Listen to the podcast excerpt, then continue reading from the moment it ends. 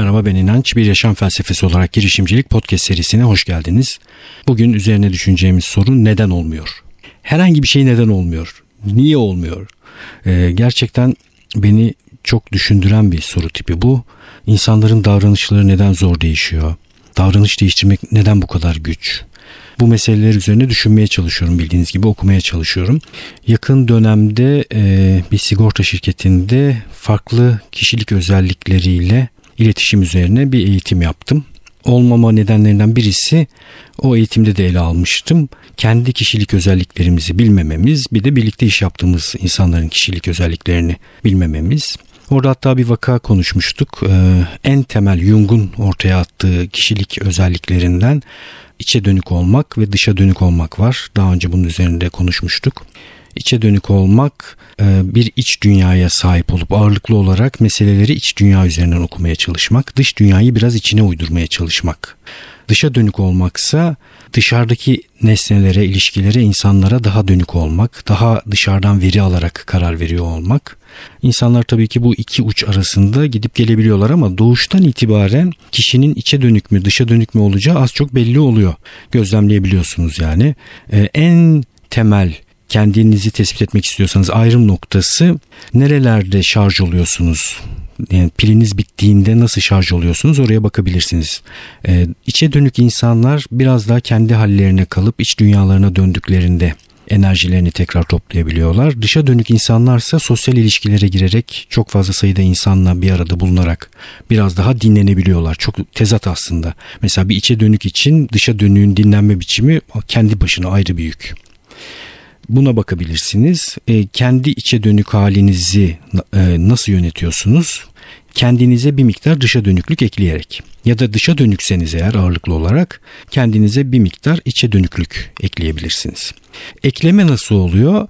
E, o davranış kalıbını uygulamaya çalışıyorsunuz. Ben mesela e, uzun süreli oyunculuk deneyimi sonrasında kendi içe dönük halime dışa dönüklük ekledim oyunculuk e, sanatı sayesinde. E, başka türlü de ekleyebilirsiniz tabii ki bunu. Ya da bir dışa dönük başka bir arkadaşından, içe dönük bir arkadaşından gördüğü bir takım davranış kalıplarını uygulayabilir. Ama burada önemli bir nokta var. İçe dönükseniz dışa dönüklüğü kendi hayatınıza katmanız biraz şuna benziyor. Mesela normal hava içerisinde nefes alıp veriyorsunuz rahatınız yerinde ama nefesinizi tutarak suyun altına dalabilirsiniz ve daldıkça kondisyonunuz artar daha uzun süre kalabilirsiniz ama hep su altında kalamazsınız. İşte bir içe dönüğün kendine dışa dönüklük eklemesi biraz buna benziyor.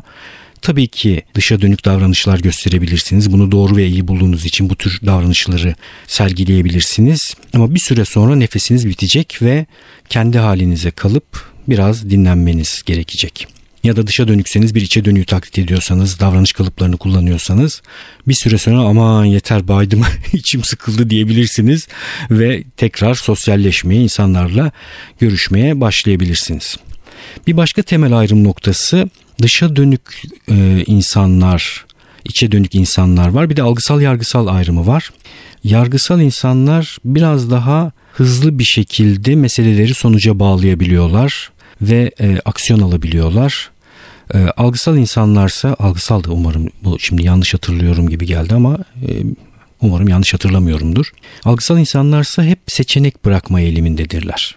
Yani bir, bir, bir şey söylediğinizde mesela bir konuyu karara bağlamadı, bağlamaya çalıştığınızda e, opsiyon bırakmaya çalışırlar. Ya işte biraz daha düşünsek mi acaba? Hemen karar vermesek mi? Bu da çok temel bir ayrım. Bir taraf açık uçlu bırakmaya çalışıyor, kapatmamaya çalışıyor. Bir taraf ise hızlıca karara bağlayıp eyleme geçmeye çalışıyor. Şimdi bunların bir ya da diğeri doğru değil bu kişilik boyutlarına baktığımızda. Önemli olan bizim ağırlıklı eğilimimizi fark etmemiz ve insanlarla iletişim içerisinde bu ağırlıklı eğilimin bazı insanları sıkıntıya düşürebileceğini fark etmemiz ve yönetmeye çalışmamız bir örnek çıkmıştı. E, katılımcılardan birisi eşiyle böyle bir şey yaşıyormuş. Şu anda çok rahatladım terapi görmüş gibiyim diyor. Çünkü arabalarını satmışlar ve araba almaya çalışıyorlar. Beyefendi e, araba almak model kararını çoktan vermiş. Eşi ise 4-5 defa değişikliğe uğratmış. E, bir de şuna mı baksak bir de şu modellere mi baksak diye. Genelde de eğilimi bu diyor. Yani bir karar almamız gerektiğinde sürümcemeye uğruyor çeşitli opsiyonlar ortaya çıkıyor.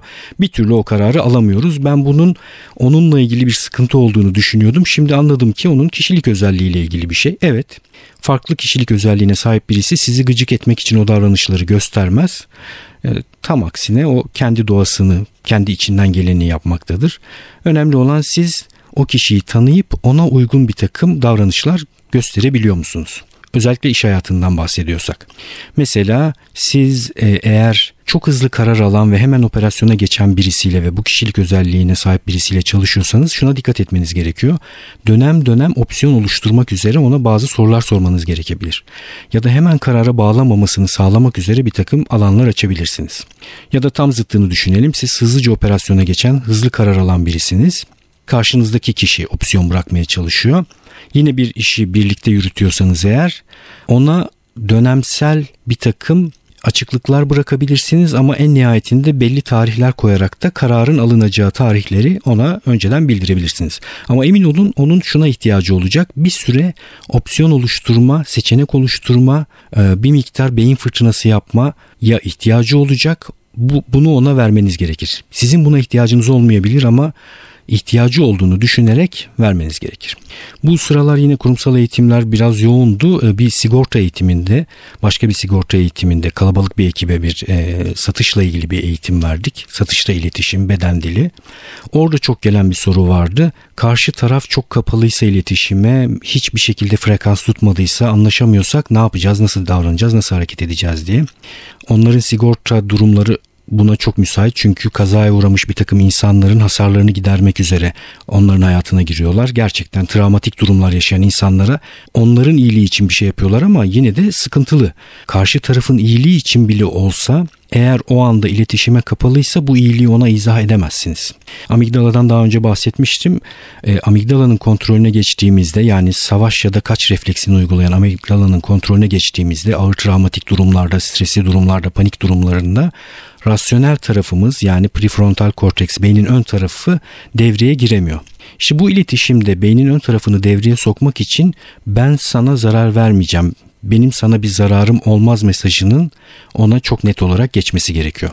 Satışla ilgili ya da bir hizmeti götürmekle ilgili bir durumun içerisinde olduğunuz için ilk cümlelerinizin bununla ilgili olmaması daha doğru olur.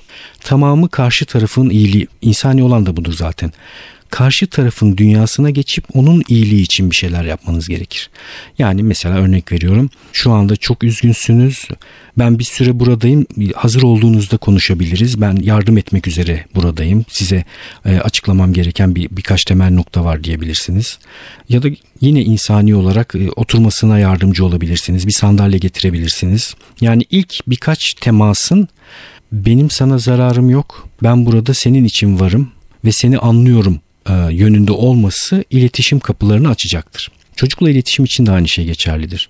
Yani bu mesaj o çocuğa geçmeden kriz durumlarını, sinir krizlerini atlatmanız pek mümkün değil. Senin yanındayım, sana yardımcı olacağım, seni anlıyorum ve senin dünyandayım mesajını vermek iletişim açısından çok önemli. İşte neden olmuyor, neden olmuyor? Bazı durumlarda kendi içsel dürtülerimizin farkında olmuyoruz ya da bunu yönetmiyoruz, yönetemiyoruz e, opsiyon bırakan, seçenek bırakan bir insan olarak sürekli fikir üretiyor durumda olabilirsiniz. Sürekli yeni şeyler arıyor olabilirsiniz. Böyle bir dürtünüz varsa eğer kendinizi yönetmeyi öğrenmeniz gerekir. Bu podcast içerisinde ben mümkün olduğunca çeşitli düşünce kalıplarını ve kaldıraç gücü yüksek düşünceleri bu nedenle paylaşıyorum. Yani siz operasyon eksikliği çeken bir insansanız doğru davranış kalıbını bilerek bunu uygulayabilirsiniz. İşte Adam Grant'in hata yap, çok hata yap, çok eyleme geç ve çok öğren düşünce kalıbı. Benim için mesela bu çok öğretici ve sezgi karşıtı bir şey. Çünkü ben eğilimsel olarak opsiyon bırakma eğiliminde, e, imkan görme eğiliminde, sürekli iyileştirme eğiliminde bir insanım. Ama Adam Grant ile karşılaştıktan sonra bu yönümü zıttımı kendime katarak biraz geliştirmeye çalışıyorum. İnsan değişir mi? Doğuşta neyse o mudur? Sorusu da böylece iptal olmuş oluyor benim açımdan insan değişir mi? E, çok temel dürtüler açısından değişmiyor ama insan bu dürtüleri yönetebilir hale geliyor. Kendini yönetebilir hale geliyor. Kendini yönetme kavramı da önemli. Yani kendi dediğimiz o şey yönettiğimiz şeyi yine biz yönetiyoruz ve kendimizi yönetiyoruz. Bu nasıl mümkün oluyor? Çünkü ben dediğimiz o şeyin içerisinde bir sürü kuvvet var. Her tarafa çekiştiren kuvvetler var. Düşünün kültürün getirmiş olduğu bir takım itmeler var alışkanlıkların getirdiği bir takım itmeler var. Aile içindeki rol modellerin getirdiği bir takım itmeler var. Doğuştan getirdiğimiz bu kişilik özellikleri var. Yani veriyi nasıl kullandığımız, nasıl karar aldığımızla ilgili çok doğuştan gelen kişilik özellikleriyle bize yüklenmiş bir takım çekiştirmeler var. İçinde bulunduğumuz ortamın bize yüklediği bir takım şeyler var. Yaşadığımız ülkenin getirmiş olduğu bir takım şeyler var. Çok çok çok çok eskiden atalarımızdan gelen bir takım genetik kodlarımıza işlenmiş çekiştirmeler var. Bunları böyle oklar gibi düşünün. İçeride bütün bu oklar bizi bir yerlere doğru çekiştirmeye çalışıyor. Orada yapılabilecek olan şey bir kere bu okların ne olduğunu, nereye çektiklerini ve niye bunu yapabildiklerini anlıyor olmak. Yani insanın ne olduğu üzerine bir teorik bilgiye sahip olmak. Bir de şunu unutmamak son söz iradede. Yani bütün o çekiştirme içerisinden arzular, istekler, kültürel dürtüler, bütün o çorbanın içerisinde son söz hakkı iradeye ait. Yani siz istemediğiniz halde doğru olduğu için bir şeyi yapabilirsiniz. Yine tabii çok kolay değil. Yani istek de ayrı bir çünkü dürtü. İsteğin olmadığı durumlarda ne yapacağız değil mi? Onu, onu da düşünmek gerekiyor. O zaman da istek uyandırmaya çalışacağız. Kendini tanımak, başkalarını tanımak ve bu tanınmanın doğrultusunda hareket etmek bütün o karmaşayı biraz halleder hale geliyor. Satış görüşmelerinde de aynı şey geçerli, insanlarla iletişimde de aynı şey geçerli. Doğru frekansı yakaladığınızda birden böyle çorap söküğü gibi söküldüğünü göreceksiniz her şeyin. Yani adeta şey vardır ya böyle teller belli bir frekansta titreştiği zaman ses çıkarırlar. O frekansı yakalamadığınız zaman ses çıkmaz otelden ya da ne üflerken de ben bir dönem ne üflemeyi öğrenmiştim. Orada da e, üfleme şiddeti, üfleme açısı ve nefesin e, yoğunluğu gibi bir takım faktörler bir araya gelip bir dalga kırılımıyla sesin üremesini sağlıyor. Doğru şeyleri yapmadığınız anda eylem olarak nefes üflüyor olsanız da ses çıkmayacaktır. İnsanlarla iletişim kendini tanımak ve etkileşimde biraz buna benziyor. Doğru noktayı bulursanız gerçekten her şey çok hızlı ilerliyor. Peki doğru noktayı nasıl bulacağız? Karşı tarafın dünyasına geçip o dünyadan hareketle onu iyi tanıyarak yakalayabilirsiniz bunu. Günümüzdeki pazarlamanın yapmaya çalıştığı şey de tamamen bu. Kitlesini, müşteri kitlesini çok iyi anlamak, tanımak ve oradan itibaren yola çıkarak mesajlarını vermek mühendisler, yazılımcılar kendi ürünlerini geliştirirken kendi dillerini konuşuyorlar ya biraz karşı tarafın dilini konuşmak gerekiyor. Apple iletişimi bunun için iyi bir örnek. Ee, Steve Jobs çıktığında iPod'u tanıtırken ne demişti? Ee, bilmem kaç gigabaytlık bir e, müzik e, alet şeyi değil, müzik çalar değil. Cebinizde bin, bin tane şarkı. Benim dilimi konuşuyor yani. Ne, ben ne yapayım gigabaytı? Kaç şarkı? Cebimde bin şarkı mis. Bu beni harekete geçiren bir şey olacaktır. Benim dilimi konuştuğu için.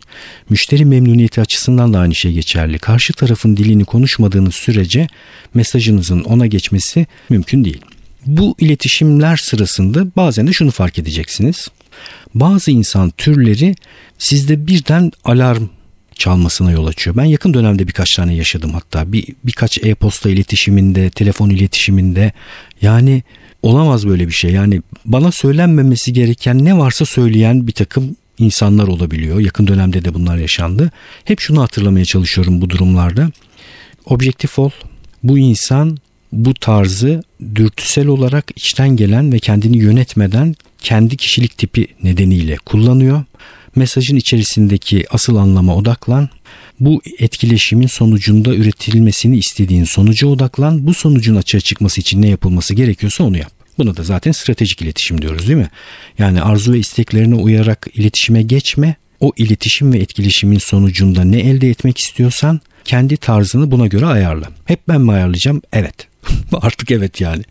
Niye ben ayarlayacağım hep? Çünkü o da içeride olan aktüellere değil potansiyellere odaklanan, stratejik düşünen müthiş insan benim. Tabii ki ben yapacağım yani. Karşı taraf ne yaparsa yapsın. O onun hali, onun onun dünyası. Pek buna takılmamak gerekiyor. Yakın dönemde bir şey, bir şey yaşadım. Şimdi o aklıma geldi. Bir, bir e, markette adını söyleyecektim neredeyse. Söyleyebilirim de yani söylemek istemiyorum. Bir market alışverişi yaptım. O sıralarda da böyle birkaç dükkandan çıkarken e, cüzdanımdaki herhalde kartların üst üste gelmesi nedeniyle alarm ötüyor. Gergin bir durum. Yani e, tabii onların da şöyle bir direktif aldığını biliyorum. Çok emin olmadıkları sürece alarmdan geçen birisinin peşinden koşup ne oluyor bir şey var mı çantanda falan diye kontrol etmemeleri gerekiyor. Bu müşteri deneyimini öldüren bir şey. Ama en nihayetinde ben sonuçta oradan alarm içerisinde vav vav vav vav vav diye gidiyorum yani. Böyle zaten gün içerisinde birkaç tane etkileşim yaşamışım sıkıntılı. En son elime çantaları, poşetleri almışım böyle yüklüyüm. E, bir an önce eve gitmek istiyorum. Yorgunum. Çok ciddi bir trafikten çıkmışım. Çıkarken markette yine ötmeye başladı. Böyle yürürken yüksek sesle etrafımda kimse yok. Birisi duysun diye, diye de değil öt öt daha çok ötersin dedim. Ve biraz böyle yüksek sesle söylenerek yürüdüm. Ben tabii şimdi sinema dünyası taşıdığım için içimde birden bir film karakteri gözümde canlandı. Böyle iyice hayattan kopmuş, kendi kendine konuşan, kendi kendine kavga eden bir tip. Çok ilginçtir. Yani kendi kendine konuşmak meselesi ilginç. Benim kendisiyle belirli tartışmaları iki tarafı da oynayarak tartışan arkadaşlarım oldu. Yani evin içerisinde tek başına dolaşarak bir tartışmayı yürütüyor. Hem karşı tarafı konuşuyor hem kendini konuşuyor. De- deli diyoruz zaten buna yarım deli diyoruz. Şimdi buraya kadar sıkıntı yok konuşabiliriz. Benimki bir tık ileri gitti. Yani yüksek sesle bir şey söyledim. Kendime çok şaşırdım. Sıkıntılı durum şu cevap gelirse çok kötü. Yani cevap gelirse ne olacak yani? Cevap gelmesi ayrı bir eşik oraya doğru gitmemek için böyle fazla bunu abartmamak gerekiyor. Ama İstanbul insanı böyle e, boşluğa doğru konuşur hale getiriyor. Çok enteresan. Bir etkileşimden daha bahsedeceğim. Yine o yakın dönemlerde böyle üst üste geliyor ya böyle şeyler. Bir gözlük camı değiştirmem gerekti. Ee, gözlük çerçevesi aldım. Camını işte taktırıyorum. Sürekli gittiğim bir gözlükçüm var. Girdiğimde sürekli etkileşimde olduğum kişi oradaydı ama başka birisi ben sizinle ilgileneyim dedi ve onun işi olduğu için de üst kata çıktık. İşte bir yandan konuşuyoruz. Ee, çerçeve seçiyorum, cam seçiyorum. Yani şöyle söyleyeceğim size. Gözüm daha baştan o diyalog içerisinde tutmadı karşımdaki kişiyi. Gözüm tutmadı resmen yani. Neyse yaptı camı. Bir, bir, bir gün sonra gözlüğü teslim almaya gittim. Gözlüğü aldım. Taktım gözüme denemek için. Cep telefonuma doğru baktım. Cep telefonunun sol alt köşesi sola doğru uzuyor bir gariplik var dedim. Yani bu görüntüyü ben tam olarak göremiyorum. Bir alışma dönemi vardır dedi. Evet mantıklı. Alışma dönemi oluyor hakikaten de. İlk defa bu kadar büyük bir alışma geçirmem gerekiyor ama bu arada. İyi tamam dedim alışırız. Çıktım. Öyle yaşıyorum yaşıyorum. 2-3 gün yaşadım ben o gözlükle. Asla toparlanmıyor.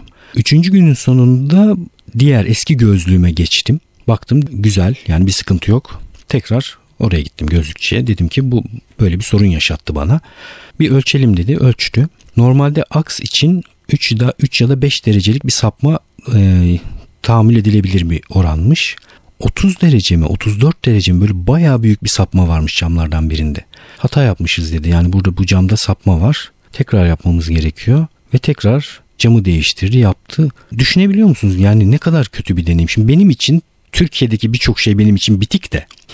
Yani güvenmem, kontrol ederim, denetlerim ama şimdi optik gözlük bir insanın hayatını geçireceği bir şey. Yani orada dikkatli olacaklarını varsayıyorum. Ya varsaymamak gerekiyor. Resmen adam benim gözlüğüm 40 derecelik aks sapmasıyla yapmış. E, baktığım şeylerin sol köşesi sol tarafa doğru kayıyor gidiyor. O halde de beni yaşatmış. Bundan sonra ne olacak? Güven sarsıldı. Ben artık kendi e, gözlük camlarımı değiştirdiğimde bir ölçebilir miyiz diye gideceğim cihazın başında ölçümüne bakacağım ve kontrol edeceğim. İşte güven dediğimiz şey de bu kadar hızlıca zedelenebiliyor. Şimdi neden olmuyor üzerine konuşuyoruz. Olmama nedenlerinden bir tanesi de kapsam meselesinin yanlış anlaşılması.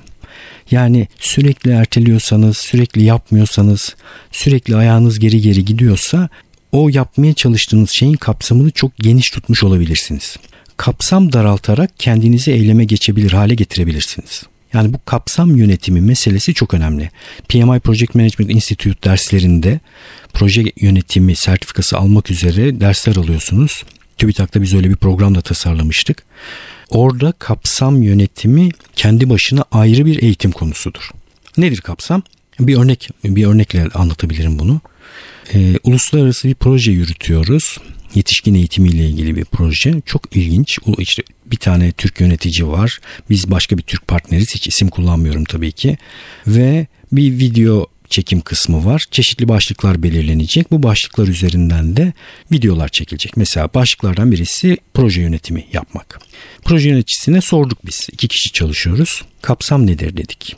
Çünkü proje yönetimi 6 ayda da anlatılabilir, videolaştırılabilir.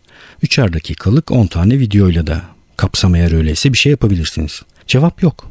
Diğer partnerlere bakıyoruz. Onlar da çeşitli başlıklar gönderiyorlar. Kapsam konuşması diye bir şey geçmiyor. Yani kim ne uzunlukta ne büyüklükte hangi kapsamda bir iş yapacak belli değil. Proje yönetirken yaşanabilecek en önemli sıkıntılardan bir tanesi işte bu kapsamın iyi yönetilmemesi. Eğer biriyle bir iş üzerinde anlaşıyorsanız özellikle freelance'seniz mesela karşı tarafın işten ne anladığı ile sizin ne anladığınız aynı olmayabilir. Bunu aynılaştırmanın tek bir yolu var metne dökmek. Kapsamı belirlemek. Yani benim sana üreteceğim değer şu demek. Bu değerin iş kalemleri şunlar. Yani 3 dakikalık 20 tane video, 10 tane toplantı yapacağım ben seninle. 1 saatlik ihtiyaç analizi toplantısı. Ee, bir tane rapor yazacağım. Şu kadar sayfalık durumu tespit eden rapor diye böyle kalem kalem o projenin kapsamını belirleyen işleri tarif etmek gerekiyor. Eğer bunu tarif etmezseniz size iş yüklemeye çalışacaklardır ya da bir takım varsaydıkları işleri siz bilmiyor olacaksınız ve dolayısıyla projenin bütçesini tutturamıyor olacaksınız. Onun için proje kapsam zaten proje dokümanı hazırlamak gerekir. Bir de kapsam kısmını detaylı olarak yazmak gerekir. Bireysel tarafta da kendi yapmaya çalıştığımız işlerin kapsamını çok büyük olarak ele alırsak hareket edemez hale gelebiliriz. Ne yapacaksınız? Kapsam daraltacaksınız. İşte ne bileyim bir web projesi yapacaksınız. Web üzerinden bir takım içerikler üreteceksiniz. İçeriye videolar koyacaksınız. İşte bu işin kapsamı nedir? Web sitesinin tasarlanması, içeriklerin yazılması, videoların çekilmesi, oraya yerleştirilmesi, hosting alınması vesaire bir sürü şey var. Ve bu işe başlamak istiyorsunuz ve bir türlü başlayamıyorsunuz diyelim ki. O noktada işte durup kapsam üzerine tekrar düşünüp kapsamı daraltmaya çalışın. Yani ele alacağınız en küçük birimi hayal etmeye çalışın. Eğer böyle bir şey yaparsanız biraz daha hareket edebilir hale geleceksinizdir. Neden olmuyor? Bir de şundan olmuyor. Birlikte çalıştığımız insanlar, birlikte yola çıktığımız insanlarla iş yapış biçimlerimiz uyuşmayabiliyor. Yani herkes birbirinden bir şey bekliyor. Herkes eylemsiz durumda. Kimse bir şey yapmıyor, zamanını yönetmiyor ve bir türlü bir şeye başlayamıyorsunuz. Ben son dönemlerde herhangi bir konuda el sıkışmadan önce bir takım ortaklıklar yaparken, birlikte iş yapmaya çalışırken tarafları test edebileceğim çeşitli aksiyonlara bakıyorum. Yani çeşitli tarihlerde sözleşiyoruz. O tarihlere bir takım işler getirmeye çalışıyoruz. O sırada zaten karşı tarafın enerjisi, işe aktaracağı zamanı, bu zamanı nasıl yönettiği, iş disiplini vesaire gibi bir sürü şeyi göreceksiniz. El sıkışmadan önce birlikte ortaklık olarak bir, bir şey yapmaya kalkışmadan önce size çok heyecanla ve şiddetle önerdiğim bir yaklaşım bu. Kimlerle birlikte iş yapmaya çalışıyorsanız son el sıkışmayı yapmadan önce biraz o işi düşünürken, tasarlarken, ayağa kaldırmaya çalışırken, projeyi geliştirirken bir takım işleri paylaşın, bir takım tarihlere o işleri getirmeye çalışın. Bir bakın bakalım. Herkes zamanında öz disiplinli bir şekilde üretmesi gerekeni üreterek hatta daha fazlasını üreterek vaktinin büyük bir kısmını oraya ayırarak bu işi yapıyor mu? Başta böyle kahve içerken, çay içerken, muhabbet ederken birlikte bir, şey, bir şeyler yapalım derken coşku ve heyecan oluşturmak kolay. Ama sonra eyleme geçince bir bakıyorsunuz hayatı müsaade etmiyor. Hayatı zaten bir çorba bazı insanların bir sürü yapması gereken şey var. Ne bileyim bir yandan da tam zamanlı çalışıyor ve sizinle bu işin içerisinde bir miktar girmeye çalışıyor. Bir süre sonra göreceksiniz ki olmuyor. Olması için ne yapacağız? Önceden önlemimizi alarak bu noktalarda tik atmamız gerekiyor. Eğer tik atarsak bu işi biraz daha güvenli bir şekilde yaparız. Başka neden olmuyor? Bir de bilişsel yükü yönetemediğimiz için olmayabiliyor. Bilişsel yük benim çok önemsediğim bir alan. Daha önce de konuştuk. İşte yapılacaklar listesi yaparak bu listenin üzerinde oyun oynar gibi adeta çalışarak biraz bu işi halletmeye çalışıyorum. Ben yani zihnimdeki yapılacakları bir yere döküp onların yükünü atmaya çalışıyorum. Soranlar oldu Microsoft To Do diye bir uygulama var onu kullanıyorum. Çünkü hem Mac'te hem iPhone'da çalışıyor ee, ve birbirine senkron bir şekilde bir, bir yerde yazdığım değişiklik diğer tarafa geçiyor. Orada çeşitli listeler oluşturuyorum. Kendi dilimi bulmaya çalışıyorum. Oynuyorum. İşte hemen yapılması gerekenler. Yapmazsan çok üzülürsün listesi. Bak bunu muhakkak yap listesi. E, yapılmadığında panik oluşturacaklar listesi. Böyle gerçekten isimleriyle listelerini oynayarak bir de sürükle bırak yapabiliyorum. O çok beni rahatlatıyor. Bir listedeki şeyi alıp diğer tarafa atabiliyorum. İşte acil olmayan ama yapılsa iyi olacak işler diye bir liste var. Bazılarını oraya atıyorum. Böyle oynayarak yapmaya çalışıyorum. 3 bölümlük serimizin birinci bölümünü tamamladık. Ee, bazı durumlarda e, bir araya giriyor ve kayıt yapamıyorum. Onun içinde bir sürü şey birikmiş oluyor. Ee, o nedenle de kaydı bölmeden uzun bir kayıt yapıp bölmeyi tercih ettim bu sefer. Benim için çok keyifli geçti sohbet. Umarım sizler için de öyle olmuştur. İnançayar.com içerisinde podcast alanında konu başlıklarına, kitaplara, linklere ulaşabileceksiniz. Çünkü bir dinleyici bana yardımcı olmaya başlamıştı. O biraz devam etmedi. Şimdi daha istekli bir dinleyici gerçekten de yakın dönemde 10. bölümü tamamlamış olacak. Bana gönderiyor içerikleri ben de bir, birkaç hafta içerisinde o gönderdikçe ekleyeceğim. Oradan ulaşabilirsiniz. Ee, podcast'in yayılması için destek olmayı unutmayın. İşte retweet edebilirsiniz. Podcast'in e, adresini paylaşabilirsiniz. E, kalabalık networklere tanıtabilirsiniz. Bu beni çok mutlu edecek.